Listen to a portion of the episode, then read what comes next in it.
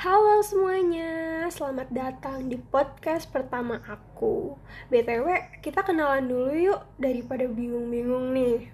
Oke, kenalin, aku Amalia Nur Rahmadani, biasa dipanggil Amal nih sama temen-temen. Aku dari Telkom University, jurusan Administrasi Bisnis, kelas AB 4208. Sebelum lanjut nih, aku mau bilang di sini aku sedang memenuhi tugas mata kuliah strategi, kebijakan, dan bisnis yang diampu oleh Ibu Cut Irna Setiawati. Jadi guys, hari ini aku nggak akan sendiri nih. Aku bakal ditemenin sama saudara aku yang cantik. Dia ini sepupu iparnya ibu aku. Nah, dia ini punya bisnis penginapan, namanya itu Denisa Get House, yang berada di Indramayu. Keren kan? Iya dong pastinya. Soalnya asal kalian tahu nih ya, di Indramayu itu tempat penginapan itu jarang banget dan masih bisa dihitung pakai jari. Nggak kayak kota-kota besar kayak di Bandung, Jakarta, Surabaya, dan kota-kota besar lainnya. Kurang lebih di Indramayu itu uh, ada lima atau berapa ya? Nah, salah satunya itu punya saudara aku, Denisa Get House.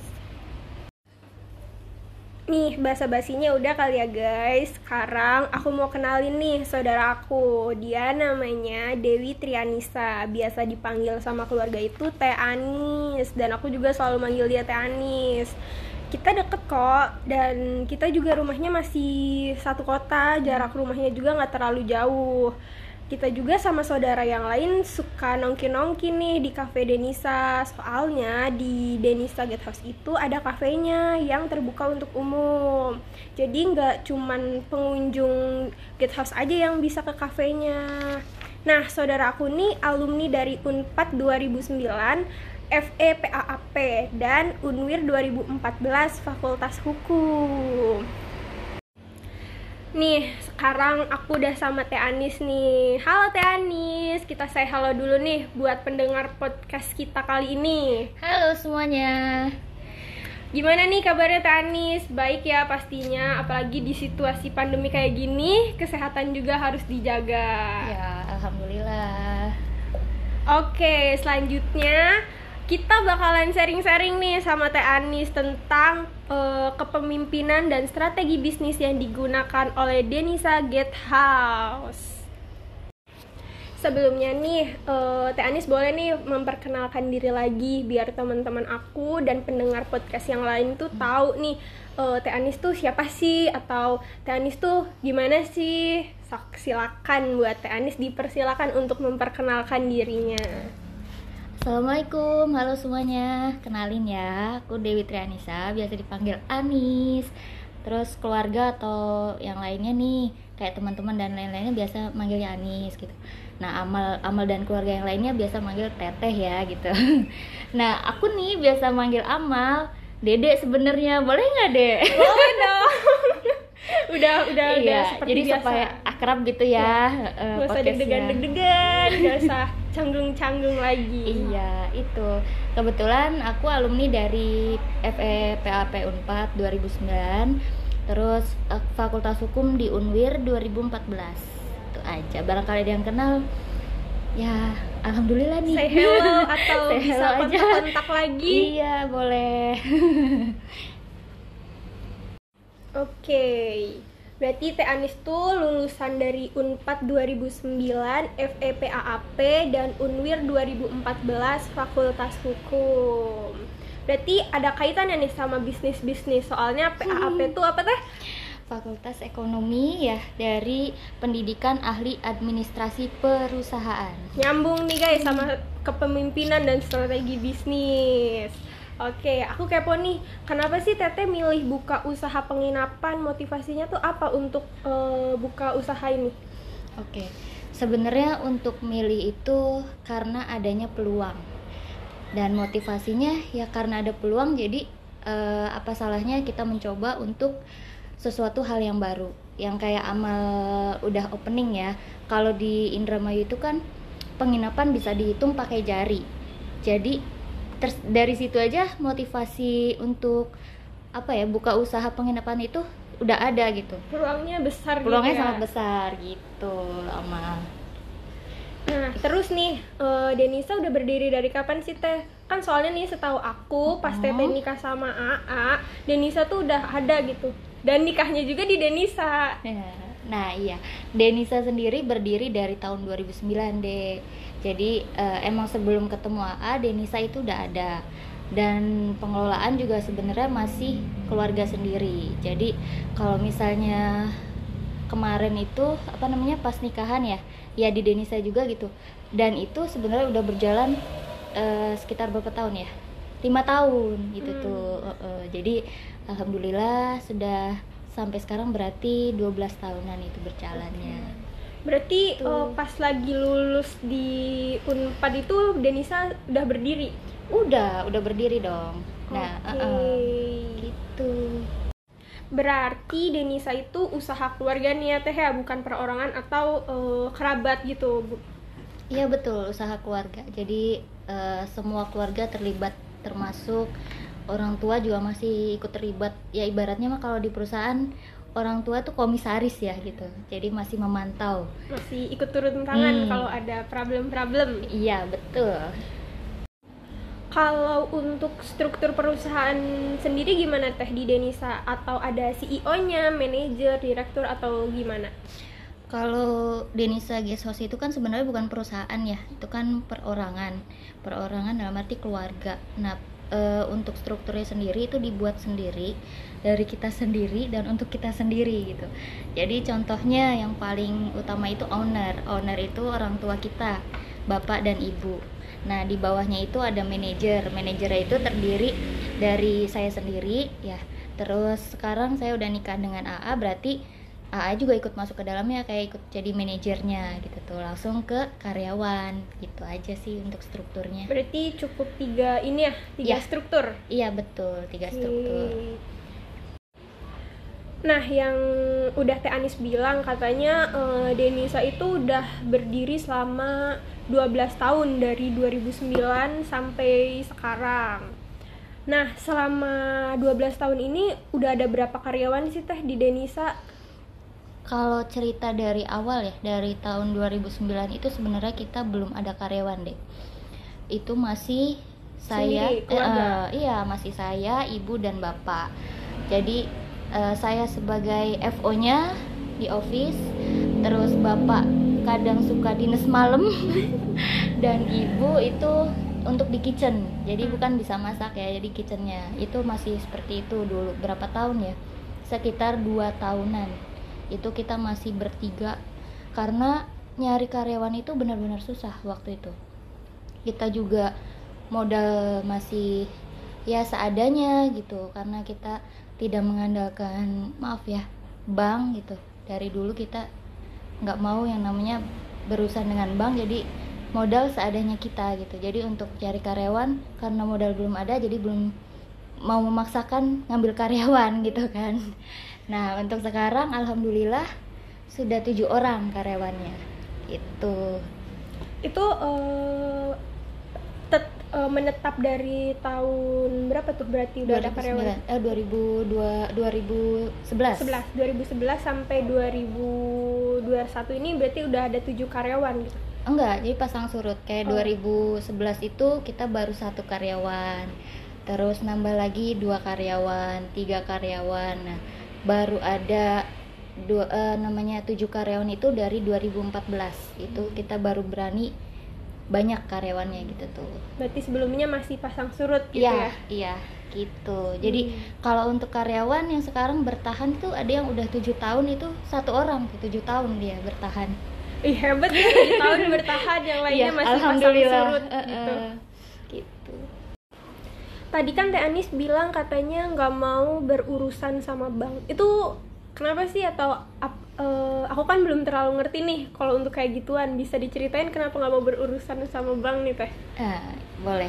Nah, untuk ini ya, yang pertama kalau untuk bank, eh, bank itu kan ibaratnya meminjamkan uang ya, berarti kita nggak punya modal dong, pinjam ke uang, uang ke bank gitu. Kalau untuk dari unsur agama itu riba, gitu ya. Hmm. Eh, kalau ya riba tahu sendiri ya. Maksudnya saya nggak bisa menjelaskan di sini arti riba seperti apa gitu kan. Eh, artinya keluarga kita tidak mau untuk eh, itu gitu kan. Menjauhilah gitu.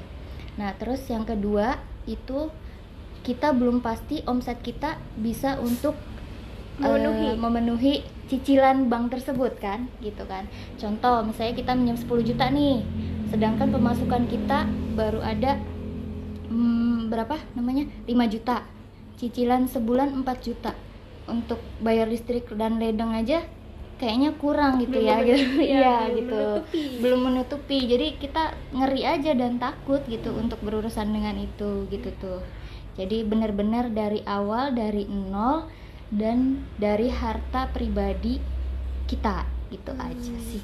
Berarti eh, buat teman-teman nih barangkali yang mau buka usaha atau apa gitu, berarti harus dipikirin matang-matang nih untuk modalnya gitu kan iya ya. betul. Karena eh, sebulan dua bulan tiga bulan itu kita harus berani rugi sebenarnya gitu. Harus menyimpan ada simpanan untuk kita apa ya eh, menanggung kerugian kita gitu loh gitu Tuh, berarti kayak gitu guys. Pokoknya eh, ini mah bu- ingetin aja nih buat teman-teman kalau mau buka usaha itu harus eh, dipikirin baik-baik untuk Iya. modalnya kayak gimana. betul jangan asal buka dan akhirnya nanti malah eh, cuma ibaratnya apa ya cuma hanya lewat gitu loh usaha kalian dan akan sia-sia itu nggak akan jadi usaha jangka panjang juga gitu Jatuhnya aja nanti sih. bakal rugi gitu ya teh ya. Hmm, betul buang-buang Buang-buang modal juga Ya, bisa gitu. dipakai yang lain padahal. Mm-mm. Nih, selama 12 tahun di Denisa itu udah ada berapa kamar teh? Jadi Denisa itu pembangunan bertahap ya karena yang tadi sudah dijelasin itu kita nggak mau main bank jadi benar-benar bertahap gitu. Dari 2009 kita cuma ada 14 kamar. Terus 2012 kita nambah dua kamar. 2014 tambah lagi dua kamar lagi dan 2016 satu kamar. Jadi totalnya 19 kamar sampai saat ini. Oke, terus nih dari 19 kamar ini tipe-tipenya ada apa aja? Tipenya kita ada tiga tipe ya. Ada superior, family, sama standar. Nah, dari tipe-tipe superior, family, standar itu kisaran harganya berapa? Untuk su- superior sama family itu 275.000. Nah, yang standarnya 225.000 murah banget. Murah, guys. Ayo. Ayo jangan lupa eh, berkunjung di Denisa Get House. Oke, dari kisaran harga yang range-nya dari berapa nih? 270. Iya, Sa- 275. Mm-mm. Itu eh, fasilitas yang didapat per kamarnya itu gimana teh? Fasilitasnya itu kita ada AC, TV sudah LED, air mineral, lemari, terus meja rias, ada water heater juga, terus teras kan gitu. Jadi kita enggak apa ya? enggak ngap kata orang Sunda mah ya. Kayak di hotel-hotel lain kan kamar per kamar. Kalau kita kamar langsung ke parkiran. Jadi lebih fresh lah Iya. gitu. Banyak udara jadinya. Iya, nah untuk fasilitas di guest house sendiri tuh eh, kita ada wifi kan, drugstore, terus cafe juga, sama ada meeting room, terus hari-hari tertentu kita ada yoga juga gitu, kelas yoga. Tapi nih eh, kalau untuk kelas yoganya diperuntukkan untuk pengunjung atau untuk umum? Bisa untuk umum juga kalau kelas yoga. Oke. Dari tipe-tipe kamar itu yang paling best seller banget nih tipe yang mana? Kalau untuk best seller tergantung pengunjungnya ya. Jadi kayak tamu keluarga itu paling suka di kamar family.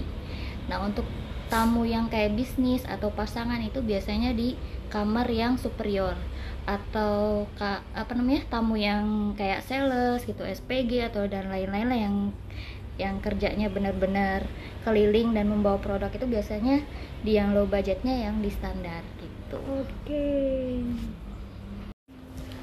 Kalau nggak salah denger nih ya teh ya, dulu tuh pernah ada atlet yang nginep ya. Kalau boleh tahu nih, ceritain dong.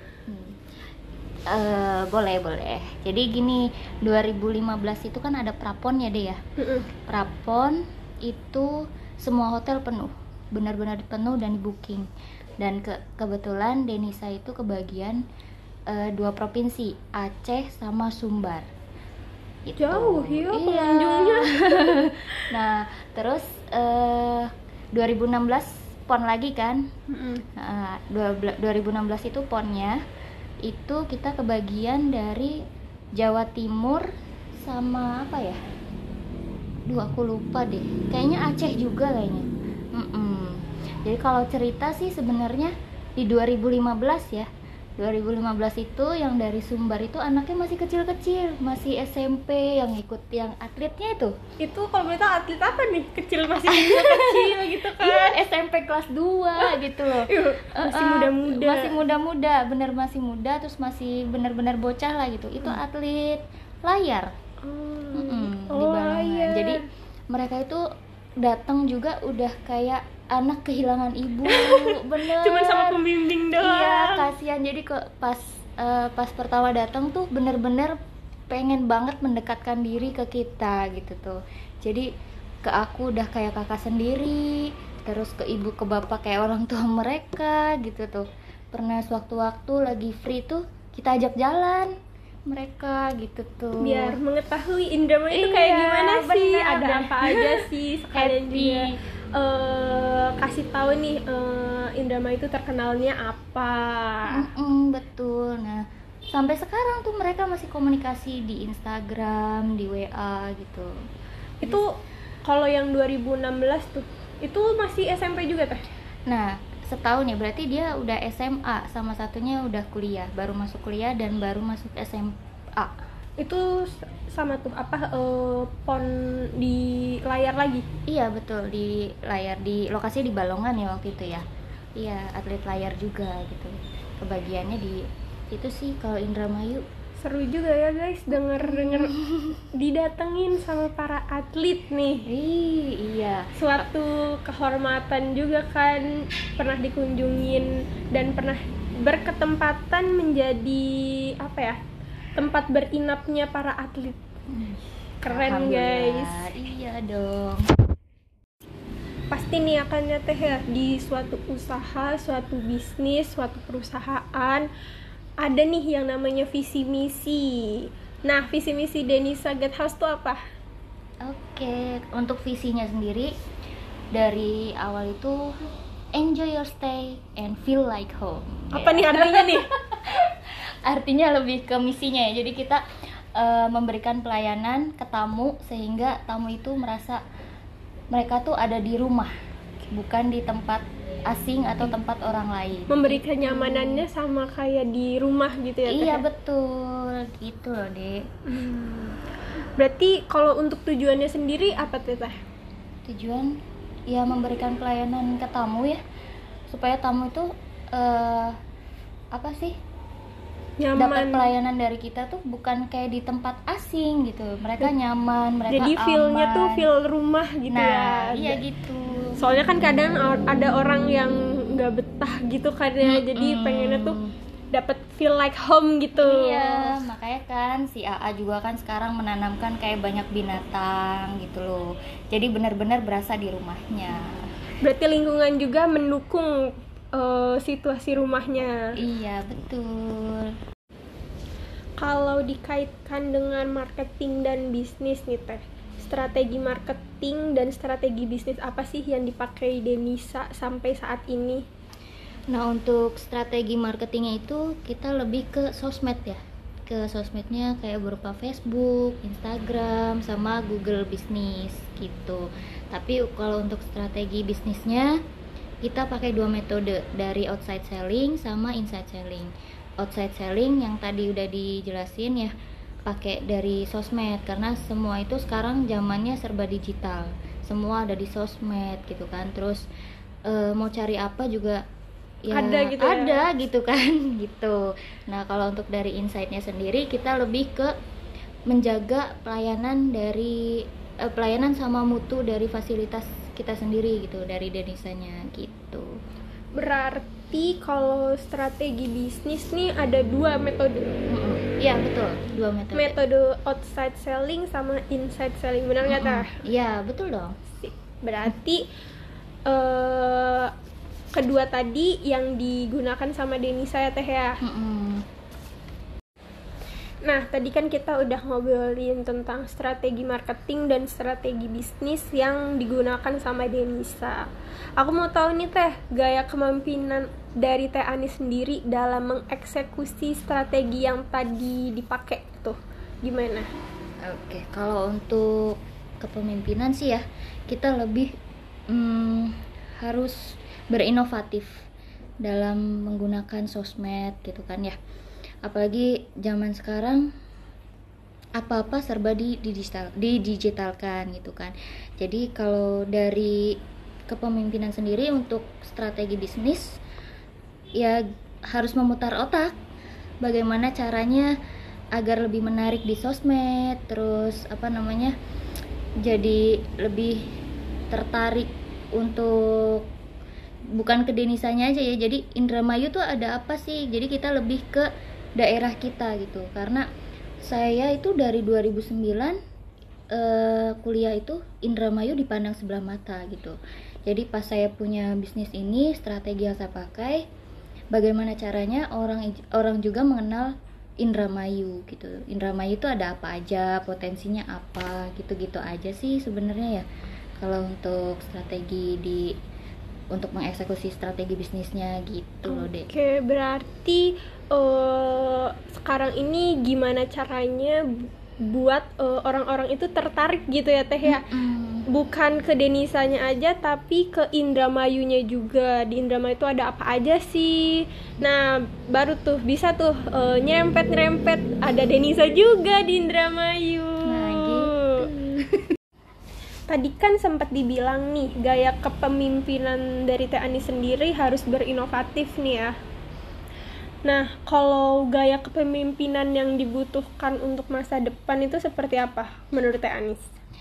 Eh, sebenarnya untuk masa depan itu kan lebih ke milenial ya anak-anak milenial zaman sekarang gitu Eh, inovatif udah pasti kalau saya nggak meragukan anak-anak masa depan pasti lebih berinovatif gitu kan. Amin. amin tapi yang dibutuhkan itu mereka harus bertanggung jawab dengan hal-hal yang baru dan yang yang pasti tidak arogan gitu. karena banyak anak milenial itu lebih arogan gitu maunya orang Cepet-cepet aja ya? Hmm, gitu Nggak terus mikirin resikonya. iya resikonya nggak dipikirin dan terus eh, apa yang dia pikirin harus harus ini Terjadi gitu, gitu harus kan? terjadi lebih ke ibaratnya idealisnya lah gitu Mm-mm. tuh harus diseimbangkan gitu aja tanpa mikirin eh, apa ya kayak misalkan Resikonya. kita ya misalkan kita buka usaha tanpa mikirin ruginya dia mikirin untungnya aja kayak gimana Iya. I- apa mikirin seneng senengnya aja kayak gimana berarti itu Iya. nggak boleh ya guys ya Eh, ha- kita juga masih harus mikirin tuh resiko eh, atau tanggung jawab tanggung jawabnya Nih, menurut Teh Anis, pengimplementasian strategi-strategi yang tadi kita udah obrolin itu udah sukses belum? Atau eh, ada yang belum tercapai? Gimana tuh? Kalau untuk di Denisa sendiri, alhamdulillah ya sudah berjalan. Terus eh, untuk tingkat kesuksesannya sebenarnya orang lain yang harus menilai ya. Maksudnya itu sudah sukses atau belum. Tapi kalau untuk saya pribadi, eh, karena saya itu orangnya bel- apa namanya nggak mau puas sampai di sini gitu. Harus terus terus dan terus. Terusnya dalam arti eh, belajar terus gitu tuh kalau kalau sampai saat ini nih kayaknya masih ada yang kurang gitu kan masih, Masih belum ada terpenuhi. Mm-mm, belum belum ada yang ada yang belum terpenuhi lah gitu ya masih ibaratnya apa ya eh ada sesuatu yang ya kayak masalah pembangunan atau apa itu masih se masih harus di ini lagi lagi Masih diobrolin lagi. iya betul gitu Kita kan udah berbincang-bincang nih tentang strategi marketing, strategi bisnis, terus gaya kepemimpinan, pengimplementasian strategi-strategi. Nih, eh selama ini pasti kan gak mungkin gak ada masalah nih teh pasti aja ada problem-problem. Gimana cara teteh mengendalikan suatu masalah atau menyelesaikan masalahnya? Gimana solusinya tuh? Eh masalahnya di tamu atau di karyawan? Boleh deh dari tamu dulu. Kalau tamu ya. Kalau tamu sebenarnya simpel sih. Kalau kita itu kan kita itu sebenarnya belum cerita ya dari awal. Denisa itu berbasis syariah. Jadi masalah di tamu biasanya masalah tamu-tamu yang bukan pasangan Hmm. itu jadi eh, tanda kutip nih tanda ya kutip boleh. gitu ya berarti gitu nggak boleh membawa pasangan yang belum muhrim nih ke Denisa Iya betul. Jadi gitu. Paling masalah-masalah yang simple aja sih kalau untuk ke tamu ya. Masalah yang eh apa namanya? lebih ke marah gitu, terus menghujat dan lain-lain. Kalau kita untuk masalah tamu itu lebih ke diam karena kita juga kan punya peraturan dan punya rule ya untuk untuk menjalankan Denisa itu gitu. Nah, jadi kalau untuk ke tamu sih kita lebih ke kalau tidak ti- mereka tidak tidak mengusik kita dengan dalam arti tidak menggunakan tangan atau kas, apa sih ya? Kasar Ka- ya. kasar lah gitu. Tapi kalau kata-kata kasar kita masih terima lah ya gitu. Tapi kalau selama tidak menggunakan fisiknya Hmm. gitu kita abaikan gitu aja. Tapi kalau untuk masalah ke karyawan Mm. eh, alhamdulillah sampai saat ini sih kita belum ada masalah ya. Belum ada masalah eh, besar. belum ada masalah besar antar karyawan atau kita dan karyawan gitu. Karena kita itu kan kekeluargaan ya. Jadi kalaupun ada masalah itu harus dibicarakan.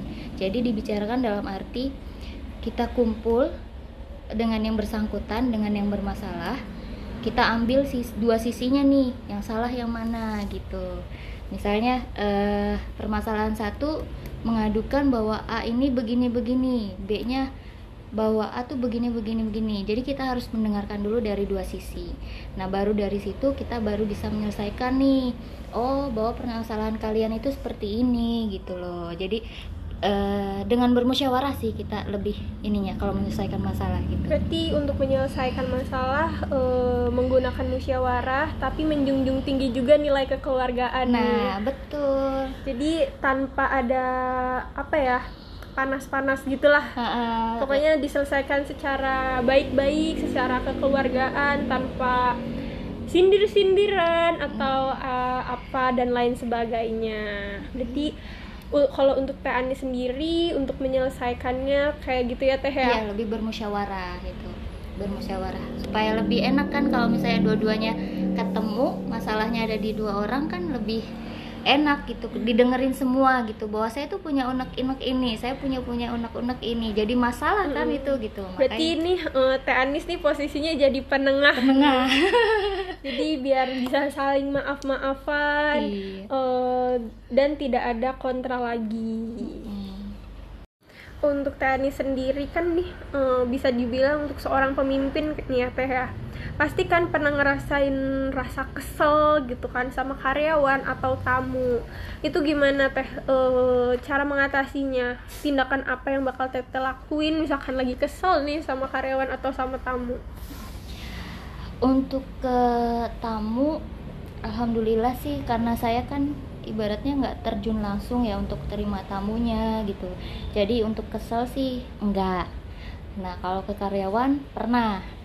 Tapi untuk apa ya mengendalikan emosi, Emosi. ya gitu supaya nggak egois ke kitanya gitu.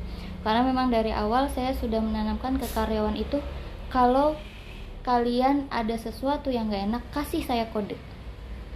Dalam artian kodenya eh, apa sih? Apakah diam atau kerjaan mereka ada sesuatu yang salah gitu. Ya saya juga bisa lihat dari itu ya gitu. Mereka pasti kasih kode itu gitu. Dan untuk menyelesaikannya biasanya kalau saya udah ngeliat itu eh saya tuh lebih ke ayo eh, besok kumpul ya gitu jadi kita mengevaluasi apa yang salah apa yang salah di saya sebagai ini apa namanya leader kalian ya ibaratnya. Nah apa apa yang salah di kalian sebagai karyawan gitu. Karena saya juga menempatkan karyawan saya itu bukan sebagai bah- bawahan saya tapi sebagai rekan kerja sama sebagai adik-adik saya di luar kerjaan mereka gitu. Jadi lebih apa ya kekeluargaannya ada Iya. gitu. Jadi tidak ada struktur yang memperlihatkan banget nih ya teh iya ya. betul. Jadi mereka juga kerja Nyaman-nyaman aja. gitu. Terus enak. Jadi kayak apa sih? Profesional ada. Jadi kalau misalnya di depan tamu manggil saya bukan teteh tapi ibu gitu kan. Tapi kalau di luar itu mereka manggil saya teteh gitu. Layaknya adik aja gitu. Kan tadi teteh nyebutin kode ini ya teh ya.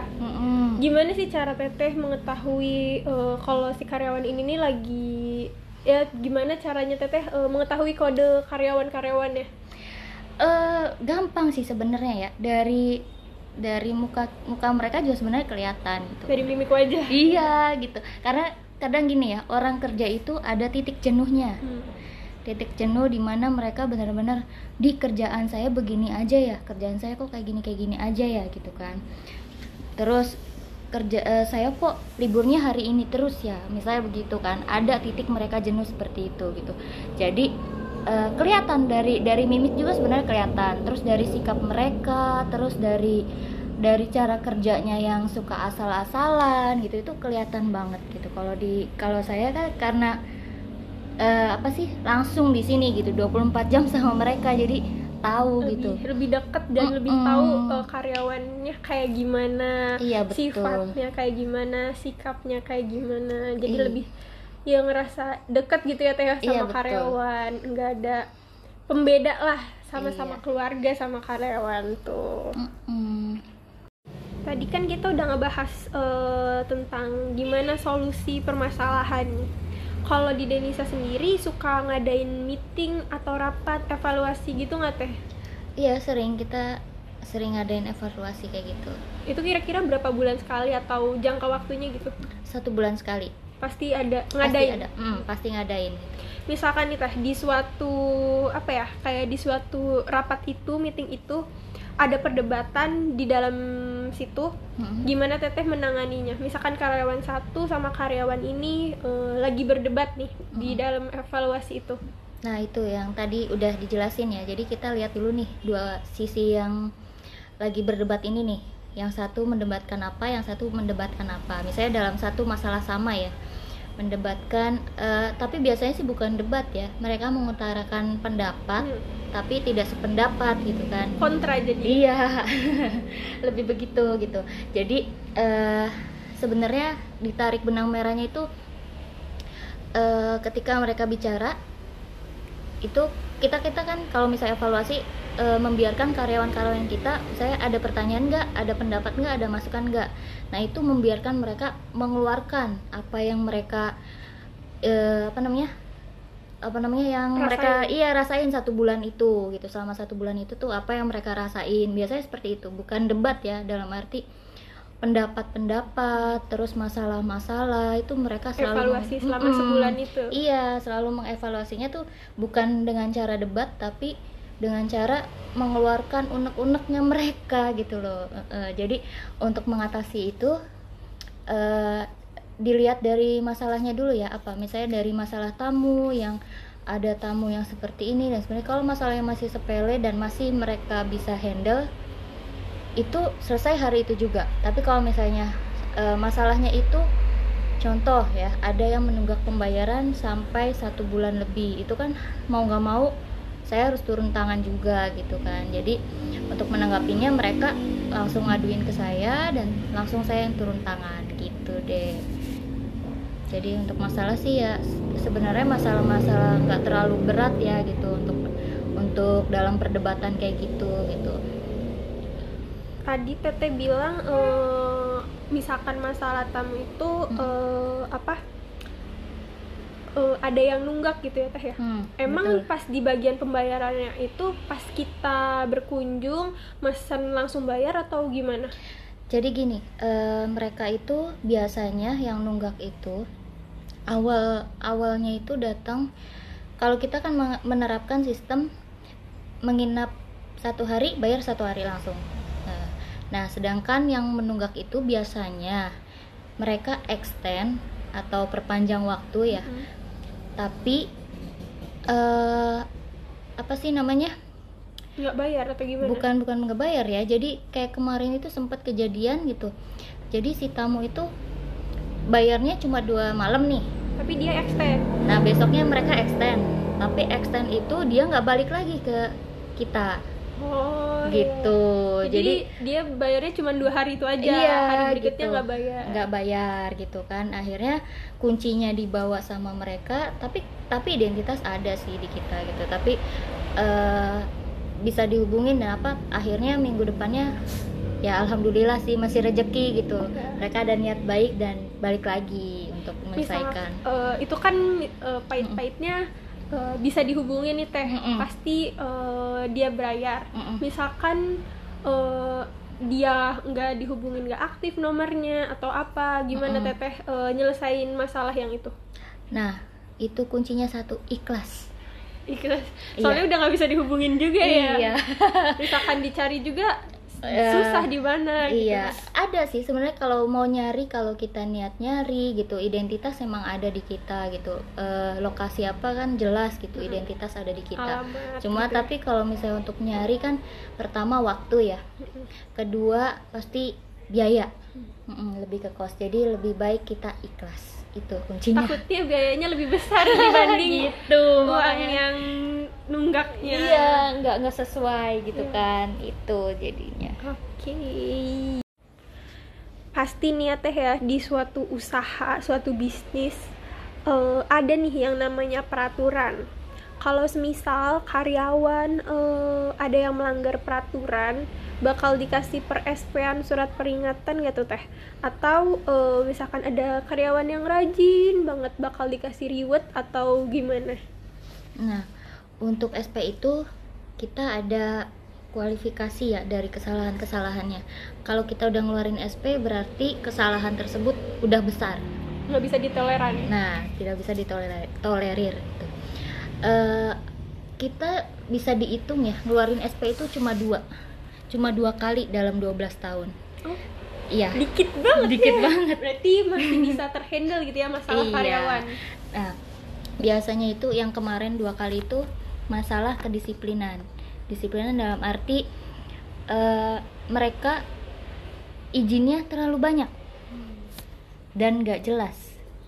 Terus apa namanya? Ada sesuatu hal juga gitu. Pokoknya ada sesuatu hal yang benar-benar kita nggak bisa tolerir lah gitu dari dua SP itu. Tapi selama masih di- bisa diperbaikin dari SP itu, ya sudah hilang SP-nya gitu. Tapi kalau masalah-masalah kecil paling kita yaitu mengadakan evaluasi, mengkoreksi diri, mengintrospeksi apa kita yang salah atau mereka yang salah gitu-gitu sih. Lebih ke benar-benar kalau SP itu benar-benar yang kesalahan fatal, fatal gitu. Iya. yang susah banget dimaafkan Iya, nah, kalau bahasa Mm, perasaannya mah susah banget dimaafin gitu ya Iya. Nah, kalau untuk reward, biasanya kita, kita kasih reward itu kalau karyawan sudah bertahan per tiga tahun. oh Per tiga tahun kita kasih reward itu berupa LM. Ih. LM besar juga ya guys ya logam mulia. Nah, kalau untuk masalah kedisiplinan, paling eh, kita kasih rewardnya tiap bulan itu biasanya ya. Kita lihat dari kunjungan. Jadi kalau kunjungan kita sesuai dengan target gitu ya? target misalnya. Saya kan menargetkan sebulan itu 250 kunjungan. Jadi kalau targetnya melebihi lebih dari 250 mereka dapat bonus lah. Bonus. Dapat insentif Iya. namanya. Gitu. Kalau untuk yang per bulannya. Pasti mereka dapat kalau kunjungan lebih dari 250 itu untuk setiap ke karyawan tujuh tujuhnya atau kayak beberapa aja atau gimana? Saya kasih untuk semuanya. Untuk semuanya Berarti jadi. sama rata tidak ada pembeda. Nah iya betul. Kecuali eh, yang logam mulia itu ya iya ya. yang reward Karena itu untuk bertahan itu su- apa ya eh, susah juga susah ya daripada membangun atau Iya. ya sama Apalah aja gitu setia lah. itu susah ya guys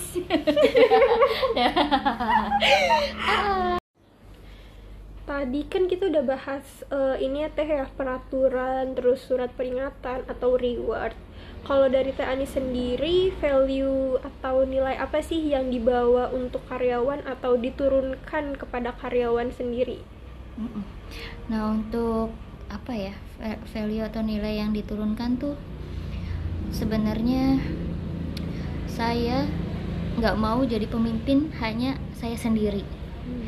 jadi karyawan juga harus memiliki jiwa kepemimpinan.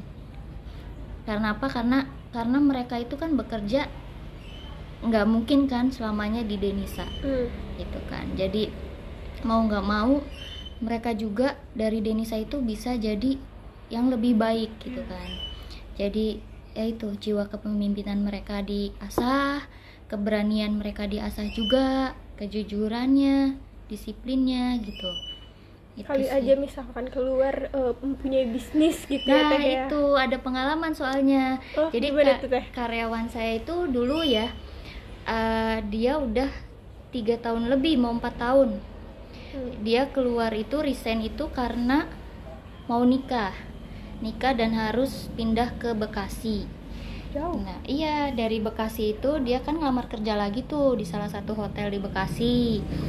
Nah, hotel Bekasi itu akhirnya manggil kan interview tuh. Nah, interview itu dia tahu Denisa gitu, tahu Denisa dan dia dia ngomong gini, "Kamu di sana sebagai apa?" katanya gitu. E, cerita dari karyawan ya, mm. maksudnya cerita dari dianya gitu. Saya di sana multi, Pak, katanya gitu multi itu seperti apa kalau multi itu katanya di kitchen bisa FO bisa cleaning service bisa pokoknya segala bisa lah multi gitu. talent gitu nah, ya. gitu. Bisa. Akhirnya tanpa basa-basi dong karena karena jawabannya seperti itu langsung diterima. Hmm. alhamdulillah. Alhamdulillah itu ya. bukan sekali aja. Yang kedua kali pernah di uh, penerbangan. Jadi dia nerbangin TKI kayak gitu kan. Hmm jadi di bagian administrasinya dia juga itu malah kita yang ditelepon dari perusahaannya gitu. Bener nggak bahwa uh, nama atas, ya. uh, atas nama ini katanya gitu pernah bekerja di Denisa katanya gitu kan. Sebagai multi katanya gitu kan. Dari itu oh iya benar. Akhirnya dikonfirmasi bahwa si karyawan tersebut apa namanya bagus atau gimana ya, gitu. Uh, kinerjanya kinerjanya bagaimana katanya gitu kan. Dan alhamdulillahnya si karyawan tersebut emang berdedikasi tinggi di hmm. Denisa gitu terus emang bagus juga gitu. Ya alhamdulillah sekarang dia di sempat di Garuda Garuda Indonesia mm -mm, mm -mm. tapi di adminnya kayak mm -hmm. apa sih pemberangkatan TKI kayak gitu yeah. gitu itu sih alhamdulillah lulusan kita yeah. alhamdulillah jadi karena kita menerapkannya itu yang pertama kepemimpinan kepemimpinan disiplin disiplin keberaniannya kejujurannya gitu kan terus uh, jangan takut jorok jangan hmm. takut kotor gitu kan karena kerja pada pada waktu tertentu karena roda itu berputar nggak nggak apa ya nggak selamanya kalian di atas gitu. Hmm. ada waktunya kalian di bawah. Dan harus berani. Nah harus berani harus apa pun yang di bawah itu misalnya adanya uh, tukang sampah nih. Hmm. oh saya bisa. Kalian masuk ke situ untuk batu loncatan dan untuk apa ya? Hmm, ya bahwa kalian tuh menunjukkan kalian berani gitu tuh. Apa pun kerjaannya berani dan mau gitu bisa. Jadi tantangan gitu ya teh ya? iya tantangan sendiri gitu. Nih pendapat teteh tentang situasi pandemi kayak gini. Kan biasanya kalau lagi holiday atau lagi lebaran pasti penuh kan ya? Kalau lagi situasi kayak gini pasti aja nih kayaknya semua bisnis usaha juga lagi pada turun nih teh. Hmm, iya betul. Ngaruh ngaruhnya tuh besar banget ya pengaruhnya. Apalagi ya kita sebagai pelaku usaha tuh benar-benar omset turun 80% dari biasanya. Nah itu hari raya kemarin eh, dari tahun kemarin ya jangan nggak percaya itu benar-benar 0% nggak ada kunjungan sama sekali. Dari lebaran juga nggak ada yang libur hari raya nggak ada. Sedangkan kita punya karyawan harus digaji kan gitu ya. Apalagi lebaran mereka ada THR tunjangan hari raya. Yaitu harus dan wajib dikeluarkan oleh perusahaan. Itu benar-benar terasa banget di era pandemi kayak gini. Kalau untuk prokesnya sendiri gimana teh? Aman ya? Insya Allah aman. Kita menerapkan sesuai dengan pemerintah itu 3M ya. Pakai masker, menjaga jarak, mencuci tangan itu ada semua. Nah, terus untuk tamu juga kita diwajibin untuk kayak untuk tamu luar kota itu harus ada eh, hasil tes swab atau hasil surat bebas covid kayak gitu. Berarti kalau mau eh, yang mau nginep di Denisa ini harus menyertakan surat itu ya teh ya bebas covidnya. Iya betul harus gitu. Harus ada ini juga apa namanya keterangan covidnya sama apa tadi? Eh, 3M-nya harus iya, dijaga. 3M-nya harus dijaga. Jadi kalau yang nggak pakai masker atau apa itu juga kadang kita ingetin. Terus kita sediain masker juga. Barangkali mereka lupa atau bawa eh, lupa bawa atau lupa pakai bisa kita kasih. Jadi bisa langsung kasih gitu iya ya. betul. Tanpa harus nunggu-nunggu nanti ya nanti. Iya. Gitulah. BTW nih, pernah ada kejadian yang susah dilupain gak sih teh dari pengunjung gitu? Eh, kayaknya cuma kayak waktu udah lama sih ya cerita lucu aja dari pengunjung. Jadi pengunjung itu sebelum di Denisa itu pernah nginep di suatu tempat ya. Mm-mm. Di suatu tempat itu toiletnya masih jongkok ceritanya. Jadi si bule itu bilang Oh jadi ini eh, pengunjungnya bule. iya ceritanya bule jadi pengunjung itu bilang si bule itu bilang gini apa sih namanya "Eh, saya bingung katanya gitu. Di hotel itu toiletnya kok bukan duduk tapi katanya rata kayak gitu. Akhirnya si bule itu tuh eh, cerita eh, saya saya pakainya gimana aja? Udah aja saya duduk katanya. Tapi pada saat saya buang air kok nempel di saya? Jadi ah, apa sih? Karena bule nggak terbiasa iya. gitu ya jongkok. Eh, jongkok. Jadi gitulah ceritanya jadi eh, sampai sekarang masih ada jadi cerita aja gitu jadi ceritanya bule dari pengalamannya dia gitu loh Jadi bisa jadi bahan evaluasi juga nih. Masa Iya. hotel eh, karena udah di zaman yang Mm-mm. seperti kayak gini, Mm-mm. hotel udah apa ya kayak udah nggak zaman lagi nih masih Iya. jongkok gitu kan harusnya Iya. kayak udah Iya. ganti yang duduk gitu ya. iya ya Pantesan aja bulenya bingung.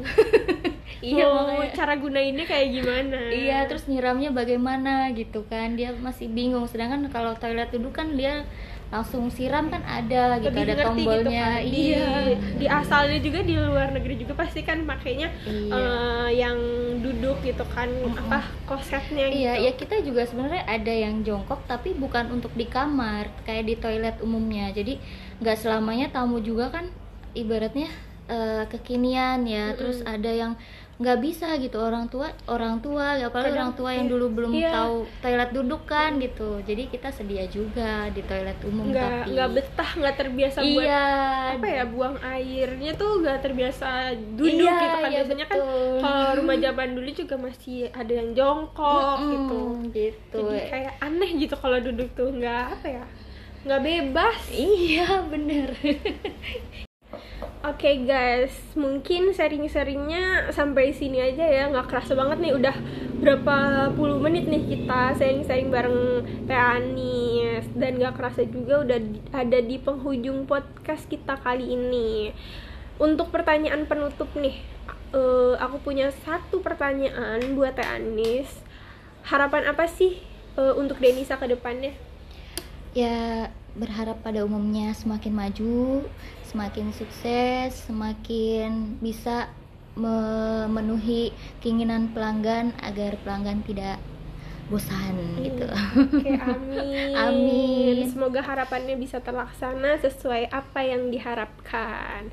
Oke, buat Teh Anis makasih banget udah ngeluangin waktunya untuk menjadi teman sharing aku, menjadi narasumber aku di podcast kita kali ini. Sama-sama, semoga bermanfaat ya. Amin. Harapannya semoga sharing-sharing tadi bisa bermanfaat untuk teman-teman semua yang mendengarkan atau bisa memotivasi sekaligus menginspirasi teman-teman juga yang ingin membuka usaha atau bisnis. Karena tadi kan kita udah bahas tentang strategi marketing, strategi bisnis, gaya kepemimpinan atau eh, eh, kita membahas menyelesaikan masalah, suatu masalah. Oke, kita tidak perlu berlama-lama lagi.